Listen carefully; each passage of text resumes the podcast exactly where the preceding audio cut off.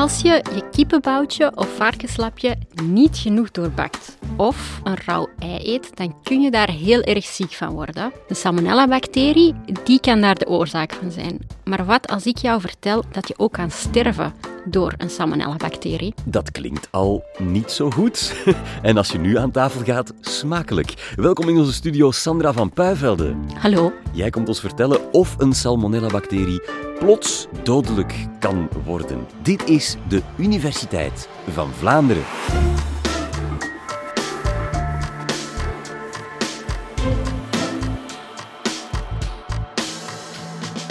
Sandra, jij bent microbiologe aan de Universiteit van Antwerpen. Wat doet een microbioloog de hele dag? Wel, ik werk inderdaad aan de Universiteit van Antwerpen, maar ook deeltijd aan de Universiteit van Cambridge in het Verenigd Koninkrijk. Dat wil zeggen dat ik mijn tijd een beetje verdeel tussen die twee plaatsen en ik ben gefascineerd in mijn onderzoek door de evolutie van bacteriën. En meer bepaald hoe salmonella-bacteriën zich nu kunnen aanpassen. Want het hele grote en oude geslacht van salmonella-bacteriën, daar ontstaan zo nu en dan nieuwe genetische lijnen, nieuwe takken binnen die grote salmonella-stamboom. Toch een soort eh, Game of Thrones op zijn eigen. Eh, laten we beginnen bij het begin. Hoe ziet zo'n bacterie eruit? Wat, i- wat is dat eigenlijk, een bacterie? Wel, wist je eerst en vooral dat er echt overal bacteriën zijn? Op mijn handen, maar ook op jouw handen, Tom. Op deze tafel, echt overal. En jij bestaat zelfs uit tien keer meer bacteriën dan uit eigen menselijke cellen. Ah ja. Die bacteriën die zijn heel erg klein, meestal niet groter dan enkele micrometers. En dat is de reden dat je ze niet kan zien, maar dat ze wel met zoveel kunnen zijn. Bacteriën die kunnen er trouwens heel verschillend uitzien. Sommige die zijn rond, sommige die zijn langwerpig, zoals een tic-tac-snoepje. Sommige die hebben staartjes, flagellen, eh, zoals wij die noemen, om zich voort te bewegen. Maar één ding hebben ze gemeenschappelijk. Hun voortplanting is heel erg eenvoudig. Het enige wat ze doen is groeien en delen groeien en delen, altijd opnieuw. En bij elke deling gaat die bacterie haar volledig DNA kopiëren. En zo ontstaan er dan twee identieke kopieën van die bacterie. Heel soms ontstaat er een foutje en sluipt er een foutje in dat DNA, een mutatie, zoals wij dat noemen. En omdat er continu veranderingen bij die deling plaatsvinden, gaat er uiteindelijk ook evolutie plaatsvinden. Bij bacteriën denk je waarschijnlijk vooral aan slechte dingen. Slechte bacteriën die je ziek maken. Maar eigenlijk leven wij in vrede samen met de meeste bacteriën. En dat zijn soms echt onze bondgenoten. Denk bijvoorbeeld aan melkzuurbacteriën die in yoghurt zitten. Die zorgen voor een goede darmflora. Aan de andere kant zijn er soms ook pathogene bacteriën en die kunnen u echt ziek maken. Die pathogene bacteriën die slagen erin om ergens in uw lichaam door te breken en daar weefsel kapot te maken. Bijvoorbeeld, als een bacterie in uw longen terecht kan komen en die kan daar overleven, dan kan dat uiteindelijk ook voor een longontsteking zorgen. Juist, en ik gok dat Salmonella zo'n pathogene bacterie is dan. Ja, dat klopt. Salmonella dat is zo'n pathogene bacterie die je eigenlijk liever niet wilt tegenkomen. En die salmonella-bacteriën die komen uw lichaam binnen bij het eten of drinken van besmet voedsel of drank. Bijvoorbeeld een stukje kip dat niet goed doorpakken was, of rauwe eieren die besmet waren. En nadat je die hebt opgegeten, dan komen die salmonella-bacteriën uiteindelijk in uw darm terecht. En daar gaan die aanvallen. Die beginnen opnieuw met groeien en delen, want daar zijn ze goed in. En die halen dan hun wapenarsenaal boven. Die hebben hele kleine naaldjes en daarmee gaan ze prikken in uw darmwand en spuiten ze kleine stofjes, eiwitten in en die gaan een hele cascade eh, op gang brengen. En die cascade die gaat er dan uiteindelijk voor zorgen dat er een ontsteking plaatsvindt in die darm. Resultaat, buikpijn, misselijk, diarree. Geen leuk resultaat Nee. van het eten van dat stukje. Niet goed. Maar gelukkig zorgt diezelfde cascade er ook voor dat die salmonella voor een groot deel opgeruimd wordt. Want ah, die diarree die gaat ervoor zorgen dat er meteen heel wat salmonella-bacteriën weggespoeld worden. En die zorgt ook voor een immuunreactie, ehm, zodat je immuunsysteem de overgebleven bacteriën kan gaan opruimen. En na een paar dagen ben je normaal gezien weer helemaal vanaf. Ik ben zelf geen arts, ah, maar ik onderzoek de evolutie van salmonella-bacteriën vanuit patiënten van heel de wereld. En ik kijk echt op moleculair niveau naar heel veel van die bacteriën tezamen. En er zijn heel veel verschillen tussen die bacteriën, want die salmonella die we hier kennen in België, dat is echt maar een handjevol van 2000 types die dat beschreven zijn. En Dat komt omdat er al miljoenen jaren salmonella-bacteriën bestaan hier op aarde en dat die dus al heel lang aan het evolueren zijn. En daartussen zitten er echt bacteriën die gevaarlijk zijn en die dodelijk kunnen zijn. Ja, dus in het beste geval ben je, eh, dankzij de diarree heb ik nu geleerd, uh, snel van die salmonella-bacterie af. Maar er zijn ook gevaarlijke en dodelijke varianten ondertussen. Moet ik daar nu van wakker liggen? Moet ik, moet ik daar nu bang voor zijn? Nee, wij niet onmiddellijk. Maar in het zuiden, in Afrika en Azië is het een heel andere situatie. Zo zal je bijvoorbeeld al eens een vaccin gekregen hebben als je naar Azië gereisd bent tegen buiktyfus. En buiktyfus die wordt veroorzaakt door een salmonella-type um, waar je een stuk zieker van kan worden en die soms ook dodelijk kan zijn. En in Afrika is er nog iets helemaal anders aan het gebeuren, want daar zien we dat er een heel nieuwe genetische tak van dat grote salmonella-geslacht wel heel erg talrijk aan het worden is. En dat is eentje die we niet bij ons zien, eentje die maar enkele decennia geleden ontstaan is en um, waaraan mensen heel erg ziek van worden. Wel, Tom, je herinnert u misschien nog dat er recent een salmonella-uitbraak is geweest in een grote chocoladefabriek in België. Ja, dat weet ik nog. Wel, de salmonella-bacteriën die dat daar uiteindelijk gevonden zijn, die lijken eigenlijk heel hard op die nieuwe salmonella-tak uit Afrika. Die lijkt daar genetisch op, maar die is geëvolueerd en het type infecties dat die in Afrika veroorzaakt is totaal verschillend. Die zijn veel ernstiger en die hebben zich aangepast om mensen veel zieker te maken en dodelijker te worden. Aan de ene kant zien we dat er in Afrika een bepaalde groep mensen is die veel vatbaarder is voor zo'n infecties. We zien vooral jonge kinderen die ziek worden.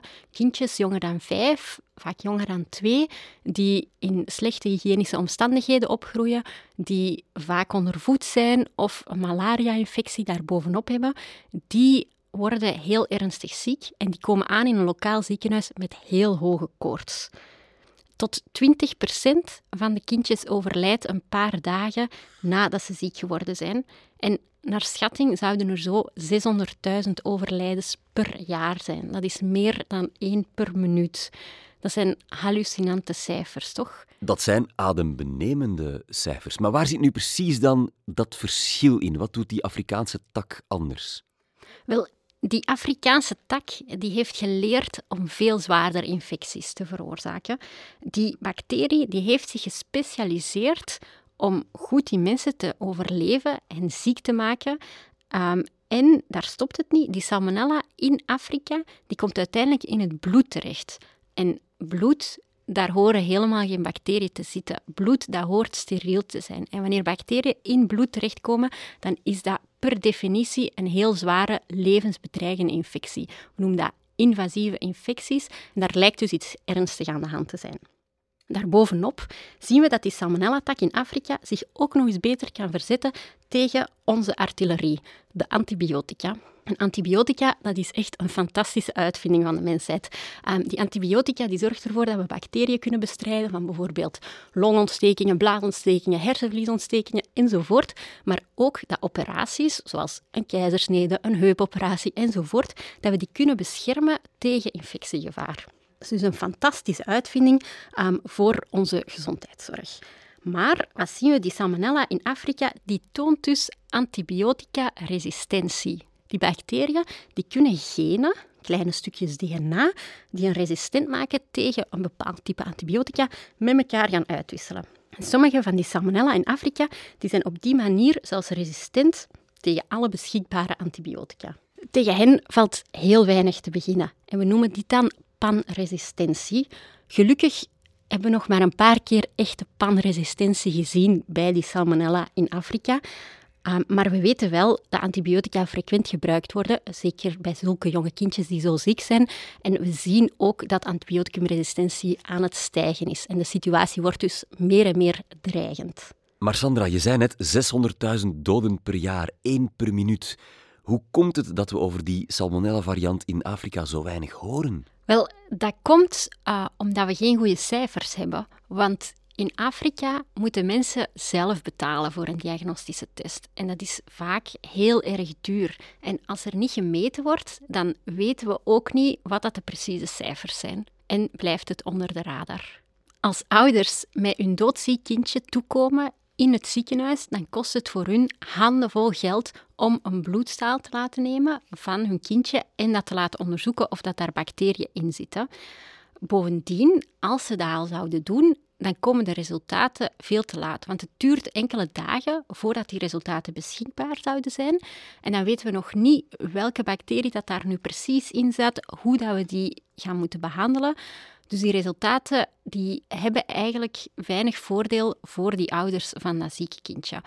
En de data die dat we hebben, die komen dan alleen maar van grote studies, grote internationale studies op verschillende plaatsen in Afrika, waar dat er systematisch gekeken werd welke infecties die kindjes hadden. En daar zagen we dus dat er heel veel kindjes met hoge koorts toekomen die een bloedinfectie door salmonella hadden. Maar het kan dus goed zijn dat de werkelijke situatie nog ernstiger is dan dat we momenteel weten. Oké, ja, dat, dat schreeuwt om een oplossing van de helden van de wetenschap. Zijn jullie daar mee bezig om, om een, een, een medicijn te ontwikkelen, bijvoorbeeld tegen die nieuwe vorm van salmonella? Wel, bij ons in het labo, wat wij willen doen, wij willen ten eerste goed begrijpen wat er aan de hand is met die salmonella. Wij werken in ons labo daarvoor samen met mensen vanuit heel de wereld. Natuurlijk ook met heel veel Afrikaanse wetenschappers. En wij willen weten wat is er nu precies gebeurd in de evolutie van dat grote salmonella-geslacht. Waarom maakt die nieuwe tak ons meer ziek en waarom is die meer resistent? En hoe verspreidt die zich dan binnen Afrika? En daarvoor gaan we naar DNA kijken. We gaan de volledige DNA-code van die bacteriën ontrafelen en in kaart brengen. En we gaan die vergelijken tussen al die verschillende salmonella-bacteriën. En dat is een behoorlijk taakje, want de DNA-code van zo'n één salmonella-bacterie bestaat uit 5 miljoen bouwstenen of nucleotiden, zoals wij die noemen. Wij gebruiken daarvoor dan natuurlijk speciale machines en heel krachtige computers om die code te kunnen analyseren. We kunnen dan gaan kijken welke genen dat daar in, die, in dat DNA zitten. Ehm, we kunnen een stamboom maken en zo kunnen we proberen om die bacterie beter te begrijpen en leren hoe we ons daartegen moeten beschermen. Want wat zien we nu als we die DNA-sequenties van al die salmonella-bacteriën naast elkaar leggen? Dan zien we inderdaad dat die salmonella uit Afrika een volledig nieuwe tak is in dat grotere salmonella-geslacht. Die is apart gaan evolueren, die is zich heel verschillend gaan gedragen en dat kunnen wij allemaal in dat DNA zien. We kunnen ook gaan voorspellen wanneer dat die waar is toegekomen, hoe dat die zich verspreidt in Afrika. En we zien ook in de DNA-code welke antibiotica-resistentiegenen dat die heeft. Oké, jullie weten dus al heel veel. Zit er ook ergens een oplossing in? Gelukkig zijn er ook oplossingen. En die oplossingen die kennen we eigenlijk heel goed vanuit de coronapandemie, namelijk de vaccins. Ik ben daar zelf niet mee bezig, maar daar zijn wel andere wetenschappers mee bezig. En zo'n vaccin werkt echt op dezelfde manier als voor een virus. Je spuit een klein, onschuldig stukje van die bacterie in. En wanneer je dan een echte infectie gaat hebben, dan gaat jouw lichaam onmiddellijk die bacterie herkennen en kunnen aanvallen. En het goede nieuws is dat een bacterie zich veel minder snel gaat verzetten tegen een vaccin dan tegen antibiotica. En de farmaceutische industrie zit natuurlijk ook daarop in en op de ontwikkeling van zo'n vaccins. En gelukkig zijn er ook vaccins in ontwikkeling tegen die salmonella-tak uit Afrika. Oh ja, ja. En mijn onderzoek draagt daar ook aan bij. Want wat gaan wij nu doen met onze DNA-sequenties? En wat leren we daar nu uh, uit? Dat is heel veel data en wij gebruiken die data om te monitoren. We gaan kijken of die bacteriën niet zouden gaan evolueren. Of er bijvoorbeeld ook niet plaatsen zijn waar de antibioticumresistentie veel hoger is en waar die vaccins veel dringender nodig zijn. En ook of er misschien binnenkort aangepaste vaccins nodig zouden zijn. En dan kunnen we die data gebruiken om sneller nieuwe vaccins te gaan ontwikkelen. Een belangrijke vraag is nu, Sandra, kan die gevaarlijke Afrikaanse variant ook in mijn rauw eitje uit de supermarkt in België zitten? Nee, gelukkig niet. Want wat weten we nu? Dat die salmonella die hier lange tijd al circuleert, die heeft zich aangepast om ons, mensen, te kunnen infecteren, maar dus ook verschillende dieren. Die kan ook die kip infecteren, die kan dan ook in dat ei terechtkomen, die kan varkens infecteren enzovoort. En die kan zo doorgegeven worden. Maar die nieuwe salmonella-tak in Afrika, wat we daar zien, is dat hij zich volledig gespecialiseerd heeft en toegelegd heeft op het infecteren van mensen. Die is nog niet teruggevonden in dieren en dat lijkt alsof dat varkens of kippen geen rol spelen in het doorgeven van die salmonella tussen mensen. Dus die variant ga je niet zo snel hier in je eitjes terugvinden. Maar dat wil natuurlijk niet zeggen dat in België er nooit iemand kan sterven aan het eten van een rauw ei en een opgelopen salmonella-besmetting. Heel zelden zien we dat ook, dat verzwakte mensen een salmonella-infectie hier krijgen en dat die heel gecompliceerd verloopt en dat die daaraan sterven.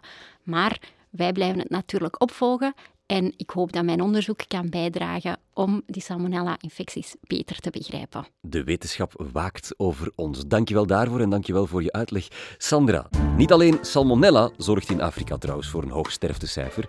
Ook de steek van verschillende exotische muggen is daar soms levensbedreigend. De mug is, zoals je weet, het dodelijkste dier ter wereld. Maar kunnen die muggen ook hier terechtkomen? En zo voor de volgende pandemie zorgen bijvoorbeeld? Wim van Bortel kent het antwoord op die vraag en je mag scrollen naar aflevering 344 als je dat zelf eens wil beluisteren. Heel graag tot daar of tot een volgende keer.